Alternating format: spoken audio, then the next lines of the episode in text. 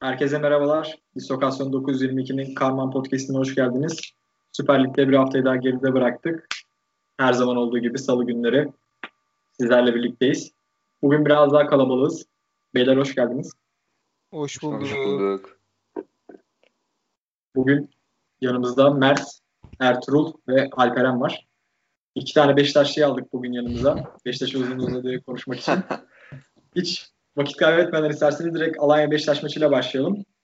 Ee, aslında Beşiktaş'ın Beşiktaş'ın geçtiğimiz haftalarda yükselen bir formu vardı. Biz de bunu konuşuyorduk zaten. Geçen hafta da özellikle değinmiştik. 3 maç üstü alınan galibiyetler. Fakat bu seriye Alanya ve Sergen Hoca'nın öğrencisi Çağdaş Atan dur dedi. Mert başlamak ister misin sen? Maç üzerinde ne düşünüyorsun?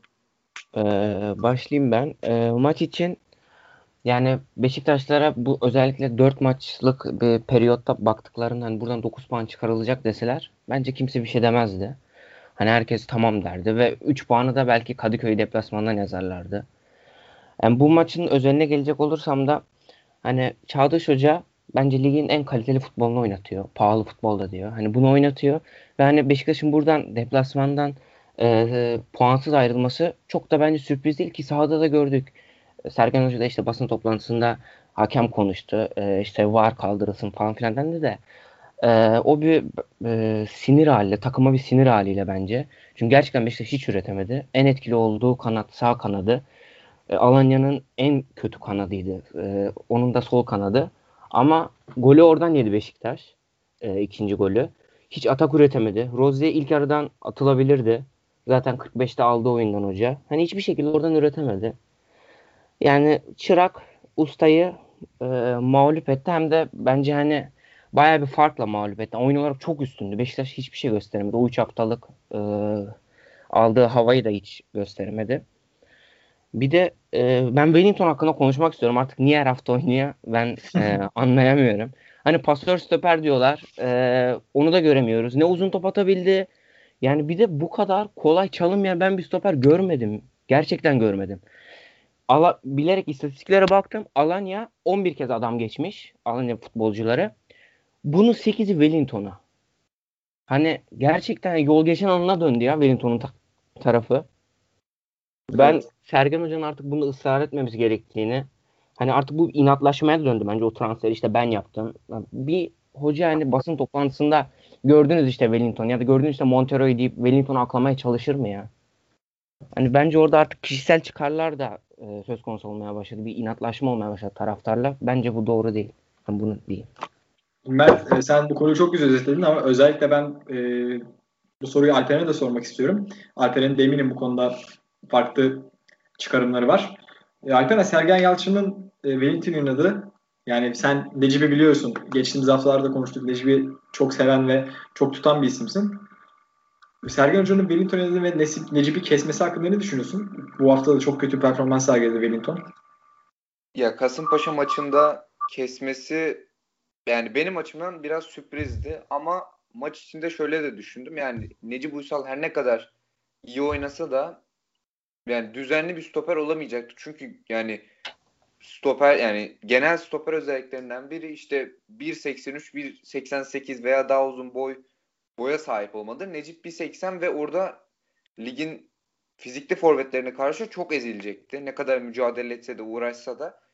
E, hoca da Kasımpaşa maçını bulmuşken Wellington'u oraya artık iyice monte etmek istiyor diye bir yorum yaptım ben Kasımpaşa maçında ama Allah yani harbiden Beşiktaş'ın anca yedek stoper olacak kalitede bu oyuncu. Orada Mert'e kesinlikle katılıyorum.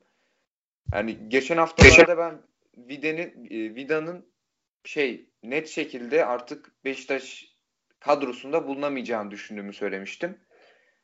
Ama yani şartlar artık Vida'nın geri kazanılması gerektiğini gösteriyor. Yani sonuçta takımın en e, isim yapmış, en kağıt üstünde iyi oyun, iyi stoperi ama bir türlü performans veremiyordu.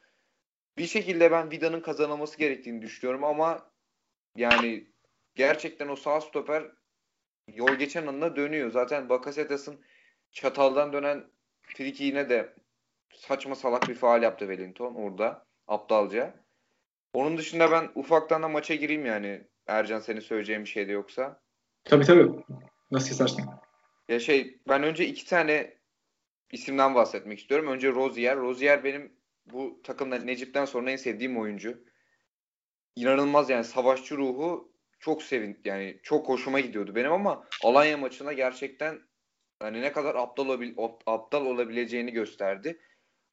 Sarısı varken yaptığı iki tane aptalca yine hareket onu oyundan atabilirdi. Hakemin inisiyatifiyle oyunda kaldı. Yarıyı bitirebildi. 10 kişi olmadık maç bitmeden. Bu da yani takımlara şunu gösteriyor benim nezdimde. Yani Rozier'e bu kadar uğraşırsan işte sinirlendirirsen Rozier'i etkisiz hale e, götürebileceğini oyunun gösterdi bu. Ve ben takımların bunu e, deşeceğini düşünüyorum. Yani işte Rozier'e faal, sert faal ve Rozier'i böyle biraz oyundan kafasını almaya çalışacaktır takımlar. Onun dışında Babakar'a gelmek istiyorum bir de. Babakar ben çok beğendim oyundan atılana kadar. Atılması doğru bence. İki sarı kartı da dirsekle yüze müdahale. Ama savunma görevlerini kusursuz yaptı. Fiziğiyle zaten Rıdvan çok fiziksiz bir bek. İlk yarı Larin'i, ikinci yarı Enkudu'yu çok iyi durdurdu Babakar. Yani tam bir 9 numaradan savunmaya katkı veren, iyi katkı veren bir kanat oyuncusuna evrildi Çağdaş Atan'ın elinde. Gerçekten ben çok beğendim Babakar'ın savunma katkısını. Bir de maçtan küçük bir not benim çok gözüme battı. Umarım Mert de görmüştü. Yani Mert de görmüştür diye düşünüyorum bunu Beşiktaş taraftarı olarak. Yani Beşiktaş'ın 65 ile 80 arası çok ciddi bir yani ceza sahasına girme problemi vardı. Maç boyunca üretemedik ama 65-80 arası ceza sahasının yakınına dahi gelemedik. Alanya çok güzel kontrol etti maçı. Tüm maç genelinde olduğu gibi. O ara Oğuzhan'ın oyuna girmemesi beni çok bozdu yani. Çünkü Kasımpaşa maçında da çok istekli bir Oğuzhan görmüştük. Her ne kadar 2-0'dan sonra girmiş olsa da yani kilidi açacak Oğuzhan'a güvenilmesi gerektiğini düşünüyordum orada ve ben maçta gerçekten sinir yani sinirim bozuldu. Oğuzhan'ın 2-0'dan sonra girmesi gerçekten beni tepeme attırdı yani. Çünkü 2-0 olmuş 85. küsürüncü dakika Oğuzhan yeni giriyor. O 15 dakikalık kısımda hiçbir şey üretememişiz. Ya Sergen Yalçın'ın biraz da oyunu okuma konusunda sıkıntılar olduğunu gördük. Onun dışında maç sonu yaptığı çirkin hakeme tavırlar da gerçekten hoş değildi. Benim söyleyeceklerim bu kadar. Beşiktaş hakkında en azından şimdilik. Yani senin de Beşiktaş cephesinden böyle, böyle Sergen Yalçın'ı eleştirmen de çok doğru bir bakış açısı. Ama isterseniz e, ben Ertuğrul pası Alanya cephesinden vermek istiyorum. Siz Beşiktaş'ı çok güzel özetlediniz. E, Ertuğrul Alanya'da iki maçtır puan kaybı yaşıyordu. Ama Çağdaş, evet. Çağdaş Atan ne olursa olsun bu maçı çok iyi çalışmış. Özellikle Beşiktaşlı arkadaşlar da çok güzel özetlediler. Beşiktaş'ın sağ kanadını kendi sol kanatlarındaki oyuncularla çok iyi bir şekilde etkisiz hale getirirler. Ben öyle. Tayfur Mubanci'nin sakatlığı vardı ya da cezası vardı tam bilmiyorum. Tayfur Bingöl e, sol bekteydi. O da ilk defa sol bekte oynuyor benim bildiğim kadarıyla. Özellikle çok iyi kitlediler. Sen Alanya cephesinden nasıl bakıyorsun maça? Ya Alanya aslında maça bakarken kağıt üstündeki kadrosuna bakınca şimdi Berkan Kutlu var. Orta sahada o çocuk oynadı. 22 yaşında o da genç. E, sol bekte Tayfur var. Hani bunlar çok zayıf, e, yumuşak karnı gibi gözüküyor ama işte az önce Alperen de söyledi, Mert de söyledi. Beşiktaş golü o kanattan yedi. Yani ben maç izlerken biraz şu hissi aldım Alanya'dan.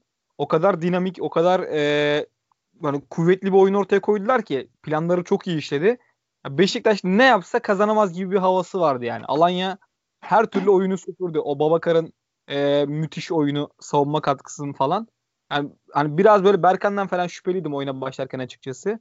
O Salih Uçan'ın cezalı olduğu durumda işte Efecan'ın e, hastalığında falan. Yani, acayip bir maç çıkardılar yani. Ben hiç beklemiyordum açıkçası. İki maç üstü puan kaybetmiş.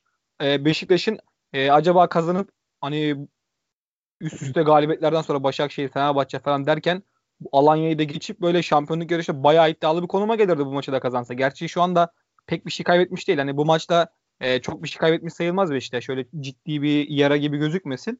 E, ama kazansaydı çok ciddi bir avantajı olmuş olacaktı bence. Yani Çağdaş Atan'ın e, yani takımı ilk sezonda e, ilk hocalığının ilk yılında çok iyi çalıştırmış. Yani Bakasetas'a bakıyorsun bugün. Sezon başı Fenerbahçe çok istemişti. E, bildiğim kadar Erol Bulut çok istemişti. Şimdi e, Mensah'ın yerine Beşiktaş Bakasetas'ı alsaydı bugün nasıl olurdu onu düşün düşünmeden edemedim bir an yani. Bakarsınız bu akşam yani dün akşam Beşiktaş'ta olsaydı nasıl maç olurdu? Ya, bir, düşünmeden edemedim açıkçası. Alanya'ya ilgili çok fazla söyleyecek bir şey yok. Çok iyi, çok dinamik bir, bir takım. Hani genelde Anadolu takımları şampiyonluk yarışında fazla iddiasını sürdüremezler sezonun ikinci yarısı özellikle. Bakalım Alanya onu bu sene kırabilecek mi? Ne yapacak? Nasıl gidecek? Sence o tavan var. Sence o tavan var mı peki Alanya'da? Hani biz geçen sene Sivas'tan da aslında geçen sene Sivas evet. ligin bu zamanda liderdi. Sonradan düştüler. Sence o Alanya'da potansiyel var mı? Şimdi oyuncu profili olarak baktığın zaman işte Kalkır olsun, Babakar olsun, e, Barreiros olsun. E, bunlar aslında bu yükü kaldırabilecek futbolcular bence. Ama Çağdaş Atan e, genç bir hoca. Daha bu psikolojiyi o hani son haftalara girildiği zaman o baskıyı herkes bilir. Onu büyük takımlar bile kaldıramayabiliyor bazen. Yani bu zor bir psikoloji. Onu idare etmek çok önemli. Yani Alanya camia olarak e, başkanıyla birlikte komple e, çok profesyonel idare edilen bir e, ekip. E, ama işte bu şampiyonluk baskısı, o yarış baskısı ortaya girdiği zaman e, insanların psikolojileri çok ciddi etkileniyor. Nasıl olacak bilmiyorum. Hani burada Salih Uçan da var. Fenerbahçe'den o psikolojiyi bilen, baskıyı kaldırabile, kaldırabilecek bir futbolcu. Bilemiyorum yani. Ben de merak ediyorum açıkçası yani. Umarım e, yeni şampiyonlar da görürüz ligimizde ama yani şimdilik çok kolay bir şey olmadığını söyleyebilirim. Yani gerçekten iki sene üst üste alışık olmadığımız şampiyonlar görürsek Süper Lig'de bambaşka bir hikaye yazılmış olacak. Evet, evet, Sana kısaca evet. şey de söyleyeyim. Senin göz bebeğin Rıdvan sözleşme uzatmış bugün. Evet gördüm çok hoşuma gitti. Sanırım milli takımın e, sol bekini uzun süreler emanet edebileceğimiz bir isim olacak o da. Çok rahat, çok rahat olacaktır yani. Evet. E, Mert ben sana Alperen aslında kısa değindi ama yine Sergen Hoca'nın maçtan sonra yaptığı açıklamaları sormak istiyorum.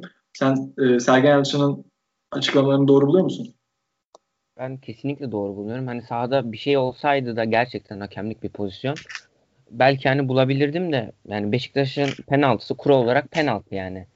yani o eli açmayacaktı Gezal arkası dönük olsa bile. Ee, yani başka oluşan hakemlik özel bir durum olduğunu belki e, Rıdvan'ın pozisyonu Babakar hani e, ilk sarı kartı kırmızı karta dönüşebilirdi. Ama o da hakemlik değil yani varlık bir durumdu. O ilk aslında gitti hakeme tepkisini belli etti. Sonra ondan sonra VAR'a kendinin de mi acaba o an aklına geldi bilmiyorum. Ondan sonra VAR'a yüklenmeye başladı. Ee, sadece yani bu ama bahane edilecek bir düzeyde değil. Çünkü hoca tamamen sanki bir bahaneyle çıktı o toplantıya. Ama yani bir sahada gördüğümüz gerçek vardı ki kendi ya şey, hatasını da gördük bence. Şey olabilir ya hoca e, sahada istediklerini yapamamanın kızgınlığı denersin denersin bir türlü evet. yapamazsın. Onun da biraz hırsından dolayı o şekilde konuşmuş olabilir ya Sergen Hoca. İyi an, anlarım Ama yani. Bu her hafta olmaya başlıyor biraz. Ya gerçi ya hani şunu da duyduk. Yani Sergen Hoca biraz daha böyle e, hani o medya yönlendirmesi falan böyle o tarz işleri belki düşünüyor olabilir kafasında evet. bilmiyorum ama bu haftaki bence yani maçta hiçbir şey yoktu. Hatta bence Babakar'ın ikinci sarı kartı yani verilmeyebilirdi yani. Ya o kırm yani ilk pozisyon direkt kırmızıdan atılabilirdi ayrı mesele. Ama ikinci sarı kartında e, bilmiyorum kural olarak e, kırmızı sarı kart mı olay bilmiyorum ama yani Rıdvan'ı çalımlamış topu üstünden aşırmış geçmiş. E, Rıdvan'ın boyu çok kısa. Adam hani dirsek atar pozisyonda değil tamamen kol çekip hızlanmaya yönelik bir hareket ediyor. Orada yüzüne çarpıyor. Ya bu biraz bana e, absürt bir sarı kart gibi geldi. Yani hakem hatası olarak bakmıyorum ama kural kural olarak bakıyorum ben olaya biraz. Yani onun dışında bence ciddi hiçbir hatası yoktu hakemin yani. Ya bu da hata denilebilir mi o ayrı mesele. Yani hakemlik bir şey yok. Hoca da bilmiyorum, olabilir böyle şeyler. Bazı mağlubiyetlerden sonra bilirsiniz Fatih Terim de sever bazen böyle şeyleri. Yaparlar yani. E, çok da takılmaya gerek yok bence ya bilmiyorum. Yani kendi hatasını biraz e, örtmeye çalıştı o sinirini. Mesela e, Siopis Atiba'yı falan sildi sağdan. Evet, yani Atiba çok, ilk defa, çok iyi oynadı. Atiba yani, en son ne zaman böyle kötü performans yani kötü gözüktü sahada? Ha, bilmiyorum yani hiç hatırlamıyorum ben. Evet. Var mı beyler sizin Alanya Beşiktaş hakkında eklemek istediğiniz başka bir şey konuşalım dediniz? Ee, Çağdaş Hoca'nın basın toplantısını ben... E... Ha, pardon doğru ben onu not almıştım unutmuşum. E, Çağdaş, Çağdaş Atan'a da ya bence e, saygısızlık gibi nitelendirilebilecek bir davranış gösterdi medya mensupları. Ya ama onların da şöyle bir açıklaması var. Bilmiyorum sizi gördünüz mü? İşte ilk 75 dakika sahada soru sorabilme hakkına sahiptik. O şansına sahiptik. İşte bize ilk 75 dakikada soracak bir şey bulamadık tarzında açıklamalarda bulundu orada bulunan. Saçmalamasınlar ya. Bence çok büyük bir çok büyük bir kolpaydı yani bu. Siz ne düşünüyorsunuz? Ya büyük rezillik bence yani. Süper Lig'in en iyi futbolunu oynatan 2-3 hocadan bir tanesi Çağdaş Atan. Belki şu an en kuvvetli oyununu oynatıyor. Yani basın toplantısında hocaya soru gelmiyor. Ya zaten e, yani yıllardır eleştirilen bir Türk basını, Türk medyası var. Tamamen kaostan beslenen, e, futbol namına bir şey bilmeyen, oy, futbol oyununu bilmeyen e, basın mensuplarının çoğunlukla olduğu bir güruh böyle kendi aralarını sürekli devir daim eden. Yani bunlardan bunların artık hani yavaş yavaş ne oldu? Gün yüzüne çıkıyor artık ister istemez. Yani bu tarz olaylarla birlikte hocaya sen oyunla ilgili soru soramıyorsun yani. Şöyle bir açıklama da geldi. İşte hocaya sorular şeyden dolayı bu pandemiden dolayı işte yazılı veriliyormuş. E, soracak bir şey bulamadık falan filan diyenler var. İşte e, Çağdaş Atan daha önce basın toplantılarına şey pardon antrenmanları falan basına kapalı yapmış. Tepki olarak e, soru sorma, soru sorulmadı denen diyenler falan var. Yani yap bakayım Erol Bulut'a ya da Sergen Yalçın'a. Sergen Yalçın ya da Fatih Terim basın toplantısı kapatsın. Git soru sorma bakayım basın toplantısında ne yapıyor hoca. Yap bakayım ona bu atarı gideri Fatih Terim'e yapın bakayım yani. yani bu, bu işler biraz yani saçma açıkçası. Yani tamamen medyanın içinin çürümüşlü olarak yorumluyorum ben. Yani gerçekten e, yani ben bile çok öyle medyanın içinde bir insan olmayan birisi olarak orada bulunup ne olursa olsun Çağdaş Atan'a birkaç tane soru sormak isterim. Yani en basitinden e, Tayfur Bingöl'ün bu kadar joker olarak bir rolde oynamasını bile sorabilirdiler yani. Ya Çok üçüncü mevki adam bu yıl üç tane farklı mevkide oynamış. İki tane 90 dakika sar. Aynı şekilde. Ya bu adamlardan Beşiktaş'a karşı bu kadar güçlü Fenerbahçe yenmiş, Başakşehir yenmiş. İşte e, yaldır yaldır gelen Beşiktaş'ı nasıl durdurdun bu adamlarla 22 yaşında 21 yaşında çocuklarla? İnsan bunu sorar yani. E, nasıl bu kadar verim olabilir? Bir sürü şey sorulabilir. Yani diyecek bir şey yok açıkçası. Yani ne diyeyim? Ya bir de bunu bir de bunu savunmaya çalışmaları daha acı verici bir şey bence. Evet, aynen öyle. Beyler ana yemeğe geçelim mi? Geçelim abi. Yani ana yemeğe geçelim. Ya şimdi cümlelerine de nasıl başlayacağım bilmiyorum ama yani tarihte hiç alışık olmadığımız bir Fenerbahçe performansı. 3 hafta üst üste iç sahada kaybedilmiş bir maç. Evet. Yani aslında uzun zamandır eli kulağında olan Erol Bulut tartışmalarının da sonunda başladı yani. Zaten herkes e, bir hata kolluyordu. Yani nasıl düşün, siz nasıl değerlendiriyorsunuz Fenerbahçe'nin bu içinde bulunduğu kaos ortamını?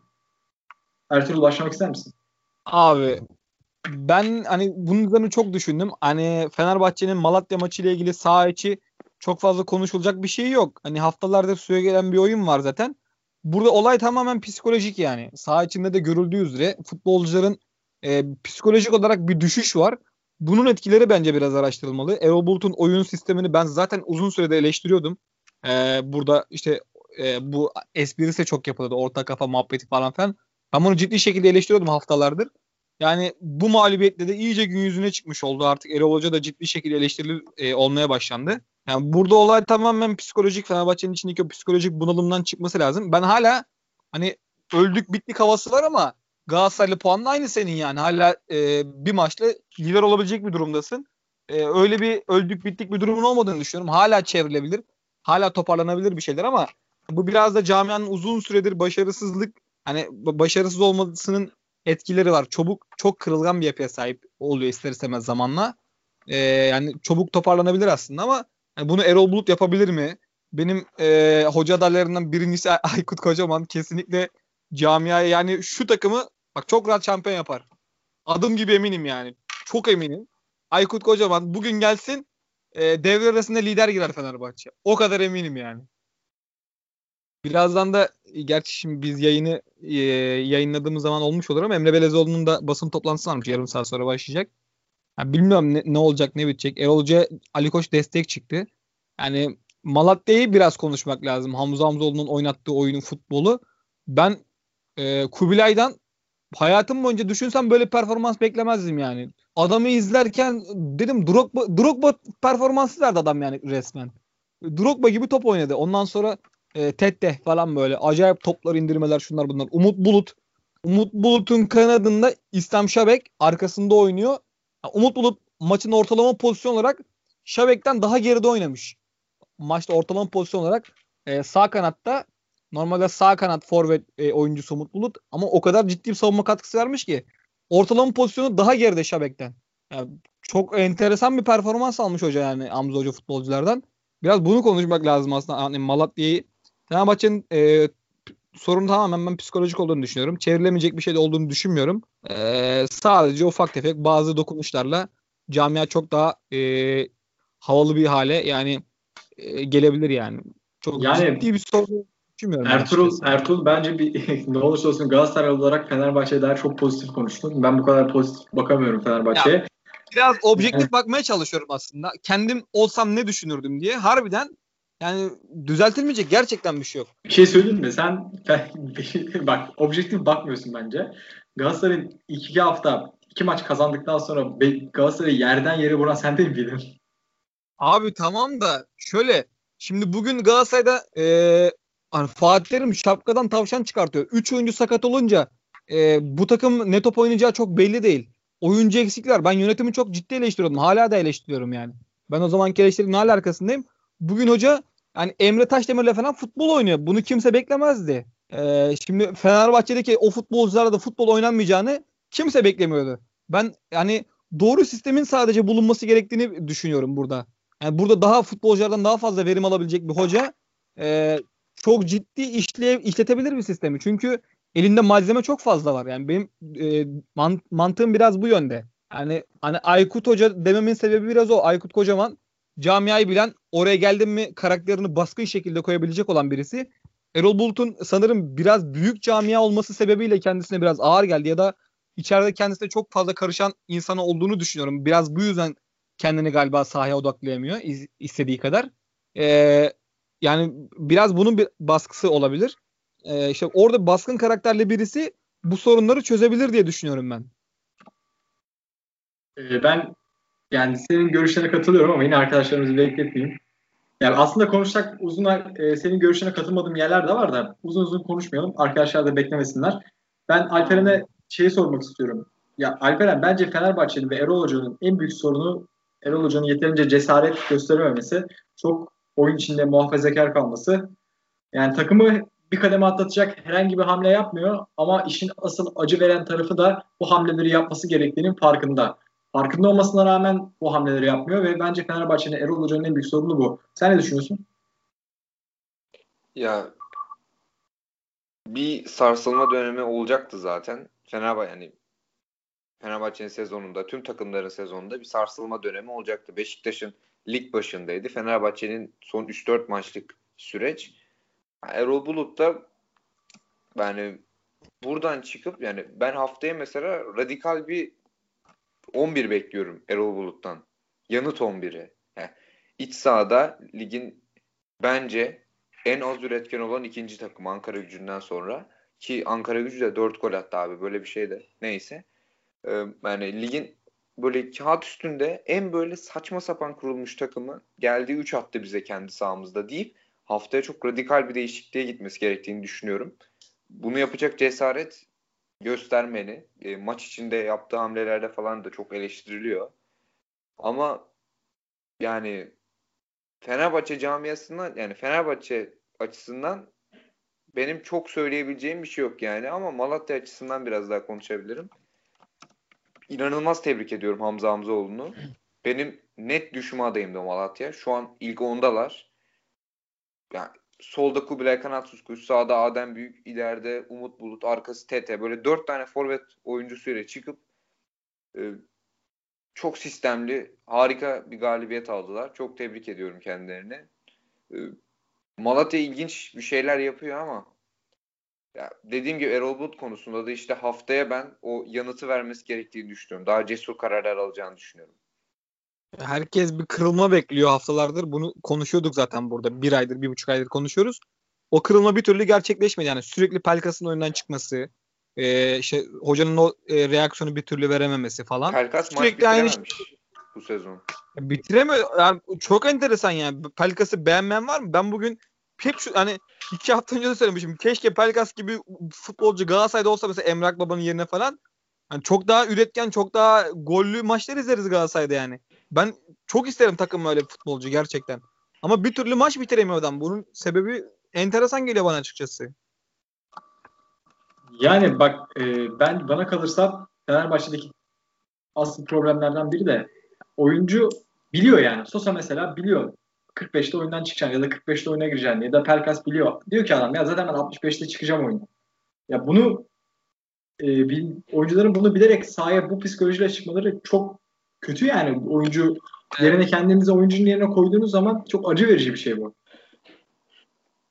Yani ya işte mesela e, biz burada övdük yani Senat'ı övdük. Senat mesela iki haftadır, üç haftadır patlıyor. Yani bir pozisyonu hatırlarsınız.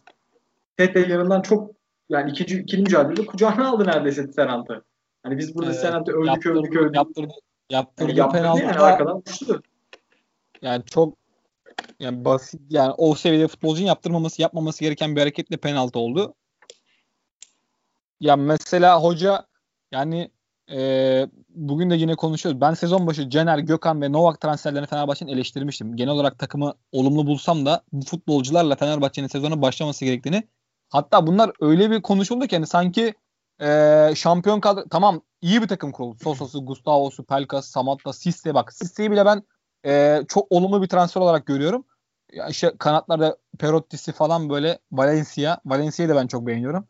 Bunlar geldi. Harbiden iyi bir takım ama o Gökhan, Caner e, ve e, Novak transferleri bana göre Fenerbahçe'ye seviye atlatabilecek, istediği oynatabilecek e, futbolcular değil. Çünkü bunların hani Novak biraz daha geride. Yaşı var Caner'in de Gökhan'ın da eski performansı alamıyorlar. Caner e, gittiği her yerde takım içinde huzursuzluk çıkaran bir futbolcu yani. Biraz bugün hani o çok konuşuluyor. Bilmiyorum aslı aslar nedir ne değildir. Hani Cener e, çok, çok ciddi tepki gösterdiği için oyundan alınmadığı konuşuluyor yani. Böyle bir şey varsa kaos bu zaten. Sen hani Pelikas'ı oyundan alırken Caner'i oyundan alamıyorsan yani sıkıntı var burada biraz yani. Hoca bilmiyorum bunlara çözüm bulunması lazım orada. Hani yardımcı antrenörler falan e, Emre Belezoğlu ciddi saçma şeyler konuşuyorlar. Görmüşsünüzdür mutlaka. Yani oradaki problem nedir tam olarak bilmiyorum ama bazı şeylerin çözülmesi lazım bence. Nasıl çözülecek? Onu da başkan ve hoca. Gerçi başkan hocanın arkasında durdu. Desteklediğini söyledi geçen gün. Dün yaptığı toplantıda. Bakalım nasıl çözülecek bilmiyorum yani. Ben Mert'e şunu sormak istiyorum. Aynı zamanda Ertuğrul sana da, sen de cevaplayabilirsin Mert'ten sonra. E sence Erol Bulut'un kredisi tükendi mi? Yani Erol Bulut'la yollar ayrılmalı mı? Yani çünkü anladığım kadarıyla Ertuğrul'a kalsa Erol Bulut yollansın Aykut Hoca getirilsin diyecek. Sen de öyle düşünüyor musun? Yani ben Beşiktaş'ta da hani bu sıkıntı olsa ben yollamaması gerektiğini düşünürdüm. Çünkü hani Türkiye Süper Lig standartlarına göre evet kredisini belki tüketmiş ama bu çok kısır bir standart. Hani doğru bir standart değil. Hani biraz sabredilmesi gerek. Bu süreçten geçirilmesi gerek ama hoca yani ya basın toplantısında ya sahada ya da bir şekilde bir mesaj vermesi gerek e, camiaya. Ama hoca bunu kesinlikle veremiyor. Ne sahada bir şey verebiliyor ne maç sonu basın toplantılarında bir şey verebiliyor. Hep bir bahane buluyor. Ee, sahada bir şeyi hani sanki kendileri kötü oynamıyormuş da böyle bahtsızlıklar hep onların üzerine geliyormuş gibi davranıyor. Ama bu doğru bir şey değil. Hani bence herkes görüyor bunu. Çıkan kadro ile oynanmak istenen oyun ben geçen hafta da söyledim bunu. Hep söylüyoruz. Hani çok alakasız. Sen hani Pelkas, Mert Hakan, e, Ferdi ile e, ileride Sisse ile e, o presi, o pres yoğunluğunu güçlü tutmaya çalışıyorsun. Ama hani bu ilerideki dörtlüye baktığımızda hani topa sahip olma oyununu, e, o alan paylaşma gayet iyi yapabilecek oyuncular. Hepsi zaten o üçlü orta sahattı. On numara orijinal oyuncular kanatlarda. Hani biz bekliyoruz ki yani kadroyu gördüğümüzde topa sahip olma oyunuyla bu sefer deneyecek hoca. Hoca ya topu alamıyor ya da almak istemiyor. Yani ikisi de bence çok vahim bir durum. Yani saha içinde ne kadar hani işte transfer şampiyonu e, önemli transferler yaptı falan denilse de yani hala stoperi sadık oynuyor ve 45 dakika dayanılabiliyor. Gustavo bir türlü oraya çekilemiyor. Ya bu oyun yüzünden bence yani Sosa temposu ne kadar düşük olursa olsun çok kıymetli bir oyuncu. Çok değerli bir oyuncu bu lig için hala.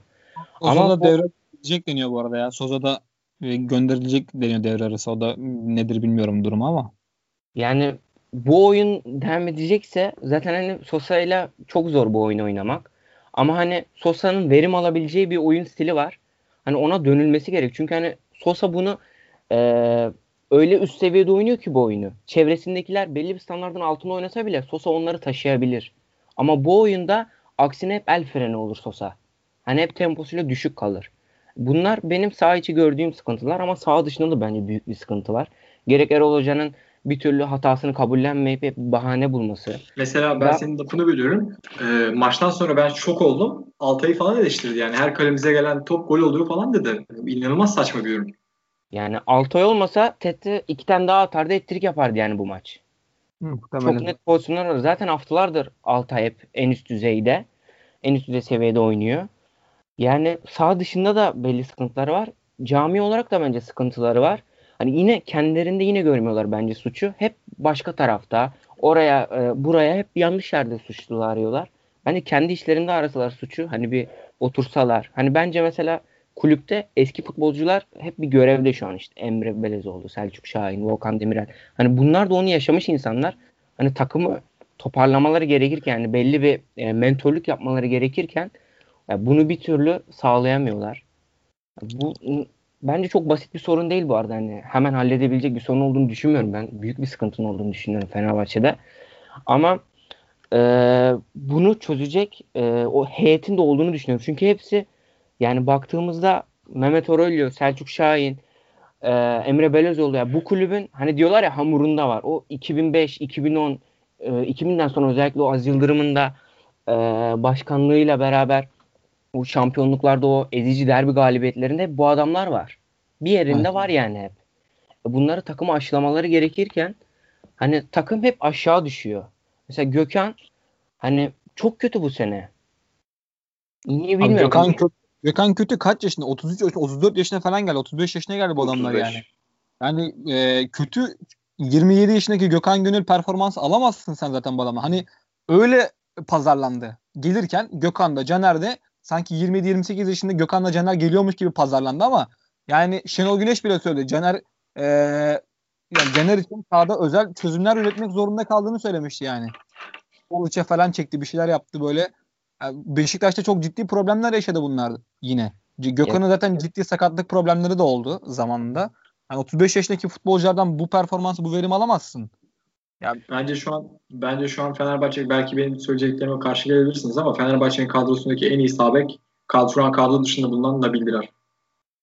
Abi ben Bence. katılmıyorum ya. Nazım'ın ada- adapte edilmesi gerektiğini düşünüyorum. Şu an Bence sakat, de. sakat değil mi Nazım? Ha şey Sakat sakatlık durumundan bağımsız konuştum. Yani kadroya daha çok girmeli. Evet olabilir.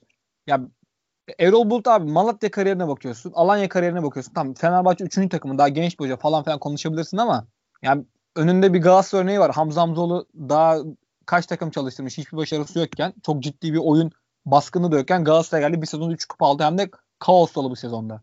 Elinde hiçbir şey yokken. Yani Erol Bulut daha yeni hiçbir şey yapamaz falan diyemezsin. Yapabilir. Sadece gerekli ortamı oluşturman lazım orada. Ee, Abi bir biraz de- hoca, yani hoca Çok- bir yani sağ söyle abi söyle. Söyle dinliyorum. Kusura bakma ya şey yani radikal şeyden e, bahsetmiştim. Bir de şey var yani katılırsınız büyük ihtimalle bana. Erol Bulut yaz boyu hep işte 3-5-2, 3-4-3 oynatıyor gibi şeyler vardı. Yok sahayı alanlara bölmüş. Üçlü oynamak için daha elverişli olsun diye falan filan. izliyormuş. Takımın 2 dakika üçlü savunmada oynadığını gördük mü abi? Veya farklı bir varyasyonda. Yok ya bizim, bizim de eleştirdiğimiz en büyük noktalardan biri o. bir şey Kafa, kafasındaki hep standart şeyi oynuyor. Hep bir formatta oynuyor. Hani ya Aykut Hoca'nın en kötü zamanında bile en kötü Fenerbahçe'de geçirdiği en kötü zamanında bile Başakşehir deplasmanına çıkarken Giuliano'yu santrafora atıyordu ne bileyim. Hani Şeyler bir şeyler yapıyordu. Erol Hoca onu da yapmıyor. Sürekli aynı format, aynı formasyon. Genelde aynı oyuncular. Aynı oyuncular oynuyor. Aynı oyuncular giriyor. Aynı oyuncular çıkıyor. Hiçbir hamle yapmıyor. İşte benim de asıl... Değişiklik Aynen. sorun o. De- değişikliklerin dakikasını bile ezberledik neredeyse artık yani. Biraz hani hocanın reaksiyon vermesi gerektiğimiz olay bu yani. Ee, işte gerekirse kadro dışı olacak, gerekirse hani hocanın futbolculara ben buradayım demek istedim. Buranın patronu benim. Yani bunu hissettirmesi lazım. Yönetim de artık destekleyecek de bu şekilde. Emre Belezoğlu ile Ali Koç'uyla birlikte hocayı bu şekilde destekleyecekler. Ben e, hoca gitmeli mi kalmalı mı? Erol Bulut'a e, camia içinden hala çatlak sesler varsa hoca hemen gönderilsin abi. E, yerine Aykut Kocaman benim birinci adayımdır. Fenerbahçe'yi bu sezon e, sağ, sağ salim yani çünkü adamların artık tahammülü kalmadı. Kalmamalı da zaten. Yani 6 sezon oldu. 7 sene olacak. Şampiyon olamayacaklar. Kupa alamayacaklar. Yani çok uzun bir süre geçti. Bu sezon 18 transfer yapılmış. Kesin bir sonuç lazım artık. Yani bu kesin sonucu kimle alırsın? Ya Ersun Yanal en son başarılı alanlardan ya Aykut Kocaman. Ersun Yanal denedin geçen sene olmadı. Aykut Kocaman'ı getireceksin abi bu takımı vereceksin. Ve hocanın işine karışmayacaksın. Hoca da başarılı Abi, olacak. Bu da O zaman ben zaten sana yani. şunu sorayım. Ben sana şunu sorayım. Tamam Erol Hoca'yı yolladık. Hani o kontratı kontratı verdik yolladık. Aykut Hoca geldi. Aykut Hoca olmadı. Kimi getireceğiz? Yine Ersun Yanal mı getireceğiz? Hayır. a- yani yani Aykut Hoca da olmazsa artık çok daha farklı çözümler Abi bak ama bak bu çok işte Olmayacak bizim, bak şey benim yok. benim bahsettiğim problem ne biliyor musun? Yani çok farklı çözüm dedim. Abi bak şu an ben Fenerbahçeli olarak en çok ben eleştiriyorum Erol Hoca'yı ve en çok yani yerden yere vuruyorum ha belki. Ama şu an yapabilecek bir şey yok ya. Aykut Hoca gelecek. Belki onu da 10 hafta sonra onu da aynı şekilde konuşmaya başlayacağız. İki maç üstte kazanacaksın. Üçüncü hafta ondan sonra Aykut Hoca kötü futbol oynatıyor. Yok böyle yok şöyle. Yani bu sefer Aykut Hoca yollayıp tekrar Ersun Yanal'ı mı getireceğiz? Ondan sonra Ersun Yanal'ı yollayıp kim var? Erol Hoca var. Tekrar Erol Hoca mı? Yani böyle bir döngünün içinde ola, olunmaz ki. Ya, o yüzden ben benim ya- anladığım kadarıyla bak ne kadar kötü giderse gidilirse gidilsin en azından 20 hafta hocaya şans vermesi gerekiyor. Bak çok kötü. Çok kötü kararlar alıyor. Yani 20 dakikada neredeyse yerden yere vuruyoruz Erol Hoca'yı. Ama bir birazcık sabır edilmesi gerekiyor. Çünkü Abi edilsin. bir sirkülasyona giriyorsun bir süre sonra. Evet edilsin ama o zaman mesela Erol Bulut'tan bu yıl şampiyonluk beklentisi olmasın. Hocam bu sene takım sana emanet, sana emanet. Sen bizi ilk 5'in içinde tut. Önümüzdeki yıl bizim hedefimiz net şampiyonluk. Yani Fenerbahçe 3 sezondur Ali Koç her sene şampiyon olacak bir takımı sıfırdan kurdu. Her sene sıfırdan bir kadro kurdu 3. yılında. Yani e, hani her yıl hep böyle son atımlı kurşun gibi davrandı. Artık hani tamam bundan vazgeçti o zaman bu psikolojiden vazgeçsin. 2 yıllık 3 yıllık bir planlama yapsın. Yani e, tam büyük takım refleksi değil belki bu ama artık buna dönmesi lazım. Çünkü olmuyor yani. 10 10 haftada daha puan farkı bile yokken Fenerbahçe hiçbir şey kaybetmemişken tamamen psikolojik olarak bir çöküş var. Onun haricinde hiçbir şey yok. Yani hiçbir şey kaybetmemişken öldük yandık bittik havasına giriyor. İki hafta, geçen hafta iki hafta önce e, Kadıköy sokaklarında Gustavo'nun işte fotoğrafları çizilsin e, binaları yapalım falan derken bugün e, taraftar Gustavo'yu eleştirir hale gelmiş yani. En son eleştirecek adamlardan bir tanesi be- bence. Yani, hani taraftarın hani artık sabrı kalmamış. E, hani sorunu nerede arayacağını da şaşırmış artık insanlar. Çünkü o kadar çok fazla e, şey yaşanmış ki orada. Olmuyor bir şey. Ne, ne denenirse denensin olmuyor. Olmuyor bir Ya türlü bu konuda, olmadı bu yani. konuda katılıyorum. Yani şu, şu an Fenerbahçe'de bir sorun var. Öyle söylüyoruz. Bu sorunu bu sorunun sorumlusu kim? Ben bu soruya hala net bir cevap alamıyorum. Erol Hoca Aynen. mı? Yoksa işte Emre Belezoğlu mu? Ali Koç mu? E sizce soruyu Alperen'e sorayım. Alperen senin bir görüşün var mı şey hakkında? Abi bence Sorumlu kim yani? yani senin gibi yüzde yüz bende net birini gösteremiyorum yani. İçeride yani bir huzursuzluk var ve her yere yansıyor bence. Yönetim kademesinden işte takımın masörüne kadar. Yani ilginç gerçekten. Ya ben Fenerbahçe'yi sezon başı kadro kurulduğunda ve Erol Bulut getirildiğinde her şeyin ben biteceğini düşünüyordum Fenerbahçe'deki Ben de. işte. Ben de Erol Bulut'un çok başarılı olacağını düşünüyordum hakikaten. İki sezondur işte Fenerbahçe 6. 7. oluyor. Avrupa kupalarına gidemiyor. Hep bir hoca değişikliği. İşte Ali Koç geldi hiçbir şey yapamadı gibi hep söylenenler. Ben Erol Bulut'la bunun biteceğini düşünüyordum. Ama yani gerçekten parmakla gösterecek birini bulamıyorum mesela suçlu olarak. Erol Bulut da değil. Ali Koç da değil. Yani bir X kişisi de değil. Ya bilmiyoruz yani gerçekten ama bir olumsuz hava var. Peki Ya ben bu- sana ben sana daha zor bir soru sorayım. Özür dilerim Ertuğrul. Ben Evet. sana daha zor bir soru sorayım. Belki Fenerbahçe bu kaosun içinden nasıl çıkar? Çıkar. Abi yönetim bence değişmesi lazım burada ya. Ben artık hani işin çünkü Ali Koç hani bu sezonda artık böyle devre arasından sonra biraz daha net görürüz. Hani belki bak şu şu noktada bu kadar eleştiriyoruz ama buradan hala bir dönüş şansı bence var. Buradan bir tekrar dakika. farklı bir hava İki- iki- yakalanabilir. iki dakika, iki dakika önce Ali Koç'un şampiyonluk şampiyonluğa ancak bir kadro kurduğunu söyledin. Şimdi Ali Koç'un değişmesi gerektiğini söylüyorsun? Abi şöyle yani başkan eee, ya bu sene de olmazsa bak onu söylüyorum yani bu sene de olmazsa artık bence hani değişmesi lazım herhalde yani. Çünkü o üçüncü yılı yine olmuyor. Artık biraz yani biraz şu olabilir. Aziz Yıldırım'ın çok 20 yıllık bir baskın orada yönetim. Hani taraftar Ali Koç'tan da belki uzun süre böyle bir şey bekliyor. Belki biraz ondan vazgeçip böyle 2 yılda 3 yılda bir seçim başkan değişikliği falan belki öyle bir şey çözüm olabilir. Bilmiyorum yani bu sadece bir öneri. Hani Ali Koç artık hani bu yılda olmazsa bak iyi bir kadro kuruldu. Ama buna rağmen bu kadar şeye rağmen olmazsa yine hani artık e, yani diyecek bir şey yok bu konuda yani. Başkanla olmuyor demek ki yani. Hafif Yani yönetim- kendi ayağına sıkıyor. Yani her sezon başı. Çünkü seçildiği günde dedi ilk senemde Fenerbahçe'yi şampiyon göreceksiniz. Olmadı. İkinci sene olmadı. Bu sene Türk futbol tarihinin belki de en büyük oyuncu çıkarmasını yaptı. Daha ligin başına yani dörtte bir yeni bitti ligin. Fenerbahçe liderle 3 puan fark var. Maçları eşit. Galatasaray'dan bir maç, Beşiktaş'tan bir maç eksiği var. Yani hala Fenerbahçe şampiyonluğun 4 ana adayından biri ve Evet. Alanya dışında diğer 3 takım da eşit şansa sahip bence. Alanya'nın şu anlık en azından şansı biraz daha fazla görüyorum ben. Ama her sene işte bu sene şampiyon olacağız. Yani seçildiği sene yani şey de dese çok daha iyi olurdu bence. İşte bu sezon yapılanacağız. Seneye tekrardan şampiyonluğa oynayacak bir Fenerbahçe. Ondan sonra da işte damgasını vurmaya yakın bir Fenerbahçe gibi söylemler söyleseydi yani oy verenlerin ve taraftarların da coşkusunu alacaktı. İşte doğru yoldayız gibi bir izlenim oluşabilirdi taraftarlarda özellikle. Çünkü yani neticesinde futbol her şey taraftar için. Taraftarda da böyle bir oluşum olduğunda takıma da olumlu etki e, yansıyacaktı ve yani ne bileyim Allah yer falan belki de kazandırılmış olacaktı. Genç bir santrafor olarak e, performans veriyor olabilirdi mesela. Ukrayna'da kiralık olmayabilirdi. Direkt hedef odaklı olursak. Ya kendisinin de tabii bazı problemleri vardı ama ne ben hafif Ali Koç'un ben ayağına sıkma tabiri de tam kullanmak istediğim bir tabir değil ama biraz öyle yaptığını düşünüyorum. Ben araya girmek istiyorum biraz. Tabii. Ee, ben Ali Koç hakkında hani aslında ülk, ülke için yine başkanlara fazla anlam yüklendiğini de düşünüyorum. Hani Evet. şu an kulüplerin başkanlarına baktığımızda hangisi futboldan anlıyor ki? Hani ben onu pek e, öyle olduğu futbol anlatlarının karışmaları gerektiğini düşünmüyorum ki bence Ali Koç da üzerine düşen aslında bence yaptı. Futbol aklı getirdi mi? Getirdi. E, taraftarın istediği hoca hani genelde Erol Bulut'un ismi yankılı şey yapıyordu. E, kupa maçında bile işte Alanya desteklendi falan filan. Hani onu getirdi mi? Getirdi. E, maddi olarak hani kim seçilirse seçilsin bu kadar destek çıkabilecek mi? Bence çıkamayacak. Hani bence adam e, elinden geleni yapıyor. Hani yapması gereken en azından yaptığını söyleyeyim. Ama seçtiği e, kişilerde e, yanlış olduğunu, hata olduğunu düşünüyorum ben. Ya mesela O zaman faturayı o zaman faturayı Erol Hoca'ya mı çıkartıyoruz şu an? ben Emre Belezoğlu ile Erol Hoca'ya bölmem, böl- bölünmesi gerektiğini düşünüyorum. Hani çünkü ben transferler ne kadar doğru gibi gözükse de bence takımı içi takımı etkileyecek yanlış transferler de vardı. Gereksiz e, bir havuz e, doldu yani o havuz doldu ve taştı.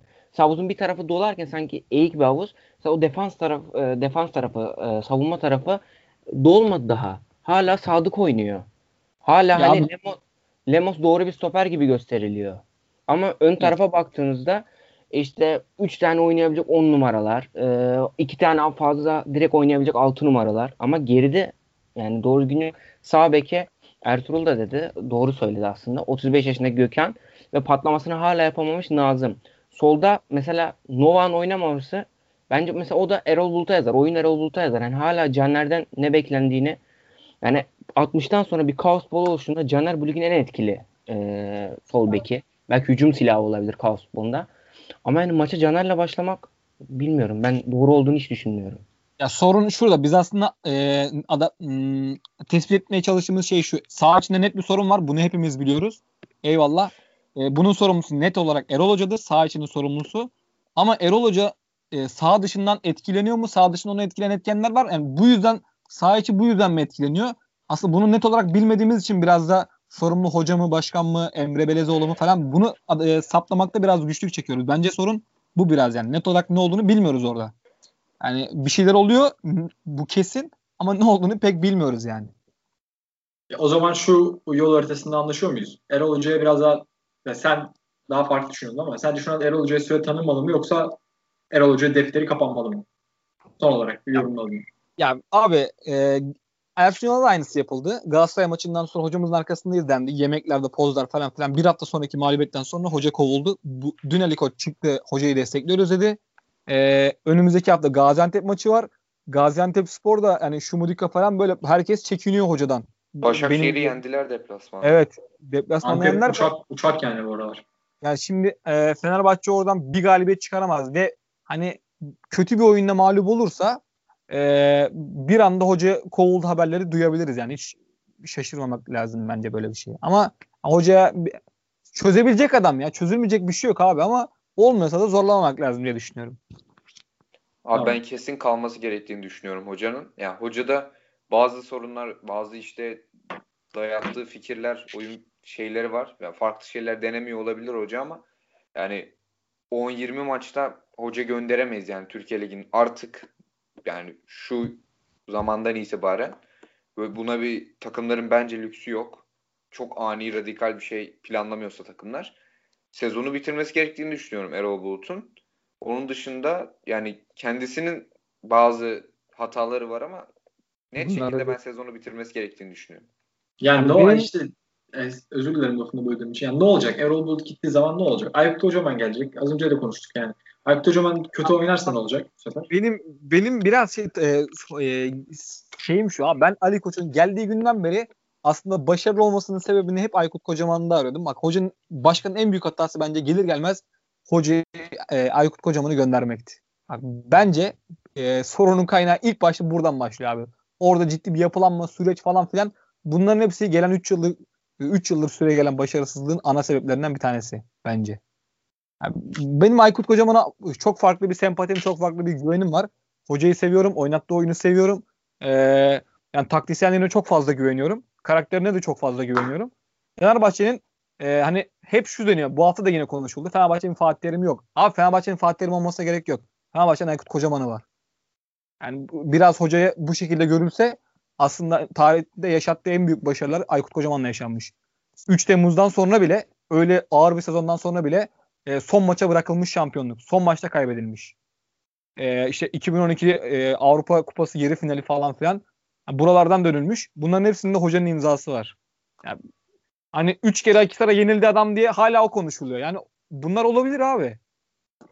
Yani Yani benim olabilir. Aykut, Aykut Kocaman deyince gözümün önünde sadece Osmanlı Spor maçı ve dönüşte Aykut Kocaman'ın kaçıp gidip İnegöllük'ü yazdığında kimseye telefon açmaması geliyor. Ya bilmiyorum yani. Ben diyecek yok. Puan Yani kaybı taraf- sonra da. Ya Puan benim- farkı pardon. Puan farkı sınır evet. Ya bunlar benim düşüncelerim açıkçası bilmiyorum. Ee, bakalım başkan yönetim kurulu en doğru kararı verir herhalde Fenerbahçe hakkında. Beyler Fenerbahçe uzun uzun konuştuk. Aslında yani Fenerbahçeli yöneticiler podcast dinleseler bile bence takımın içindeki sorununu çok net bir şekilde anlayabilirler.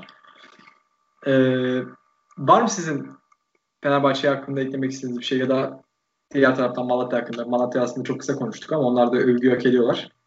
Abi çok net ya. Yani Adem Büyük'ün koyduğu performans, şahsiyet. Abi Umut Bulut ilginç istatistik. 5 farklı takımda oynamış. Türkiye'de 5'iyle de Fenerbahçe'ye karşı gol atmış. Fenerbahçe en çok gol atan oyuncu benim bildiğim kadarıyla şu an aktif olarak. Olabilir. En, en çok oyun aktif olabilir abi. İşte Ankara gücü, e, Trabzonspor, Galatasaray, Malatya bir de Kayseri. Bu 5 kulüple de Fenerbahçe'ye karşı gol atmış. Ha, çok enteresan bir istatistik yani. Harbiden. Fenerbahçe'yi görünce demek ki Umut Bulut'a bir şeyler oluyor abi. Nasıl bir artık bir kim kin mi diyeyim, düşmanlık mı diyeyim, nasıl bir istek ya da Fenerbahçe maçı olunca geliyorsa içine. Yani harbiden e, çok ciddi de çok da güzel performans verdi bu hafta Malatya'yla. Helal olsun. Tebrik ediyorum yani. Beyler- Abi bir de şey Ha, tabii. Ha- Hamza Hamzoğlu'nun yani çok kısa 2014 Akhisar, 2020 Malatya arası da ciddi bağlantılar da bulmak mümkün ve ben Malatya'nın ilk 8 ilk belki ilk 6'yı falan zorlayabileceğini düşünüyorum.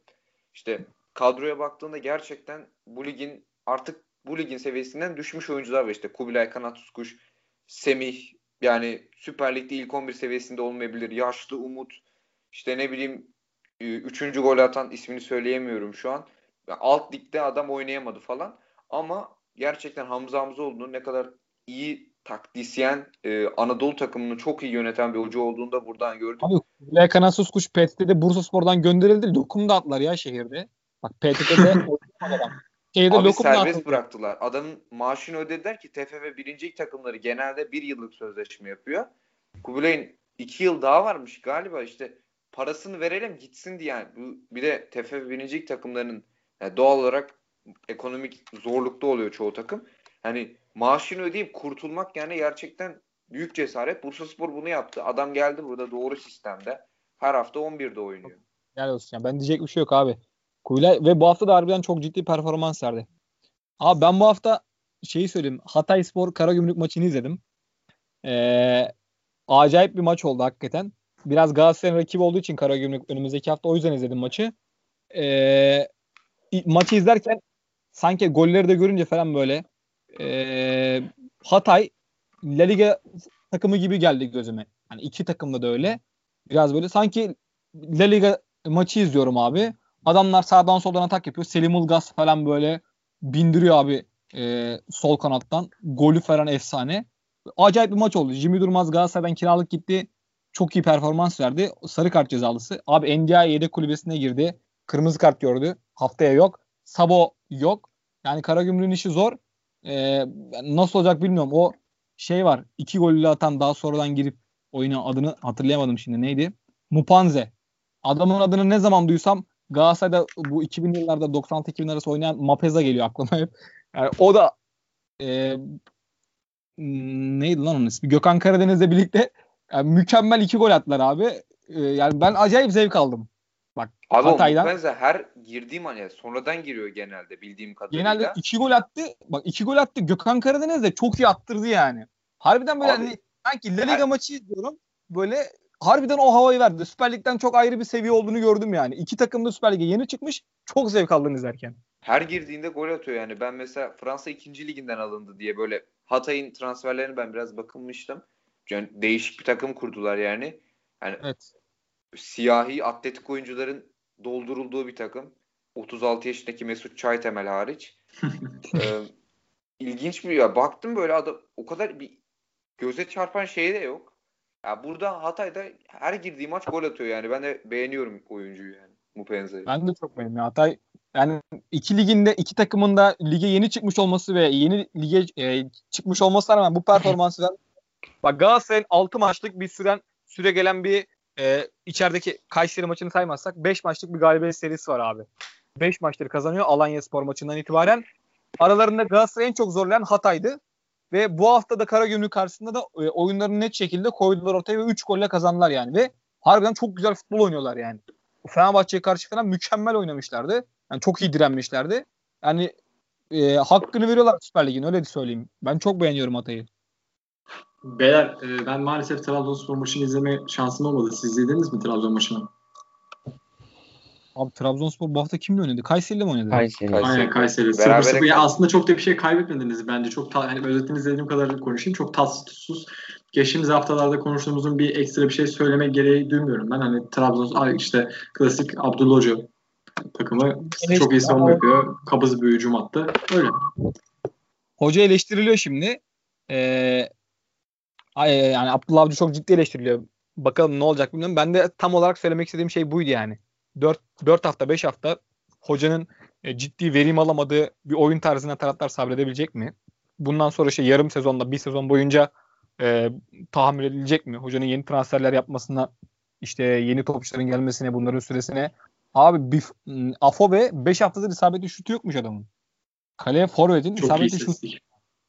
Yani senin yani burada e, ne denir artık bilemiyorum yani. Burada ne konuşulur bilemiyorum. Trabzonspor arkadaşlar daha iyi yorumlarlar bu durumu ama yani enteresan şeyler oluyor. İşte Abdullah Avcı'ya sen bir sene, bir buçuk sene idare edeceksin yani. Sabredeceksin. Ondan sonra belki bir şeyler e, görmeye başlarsın.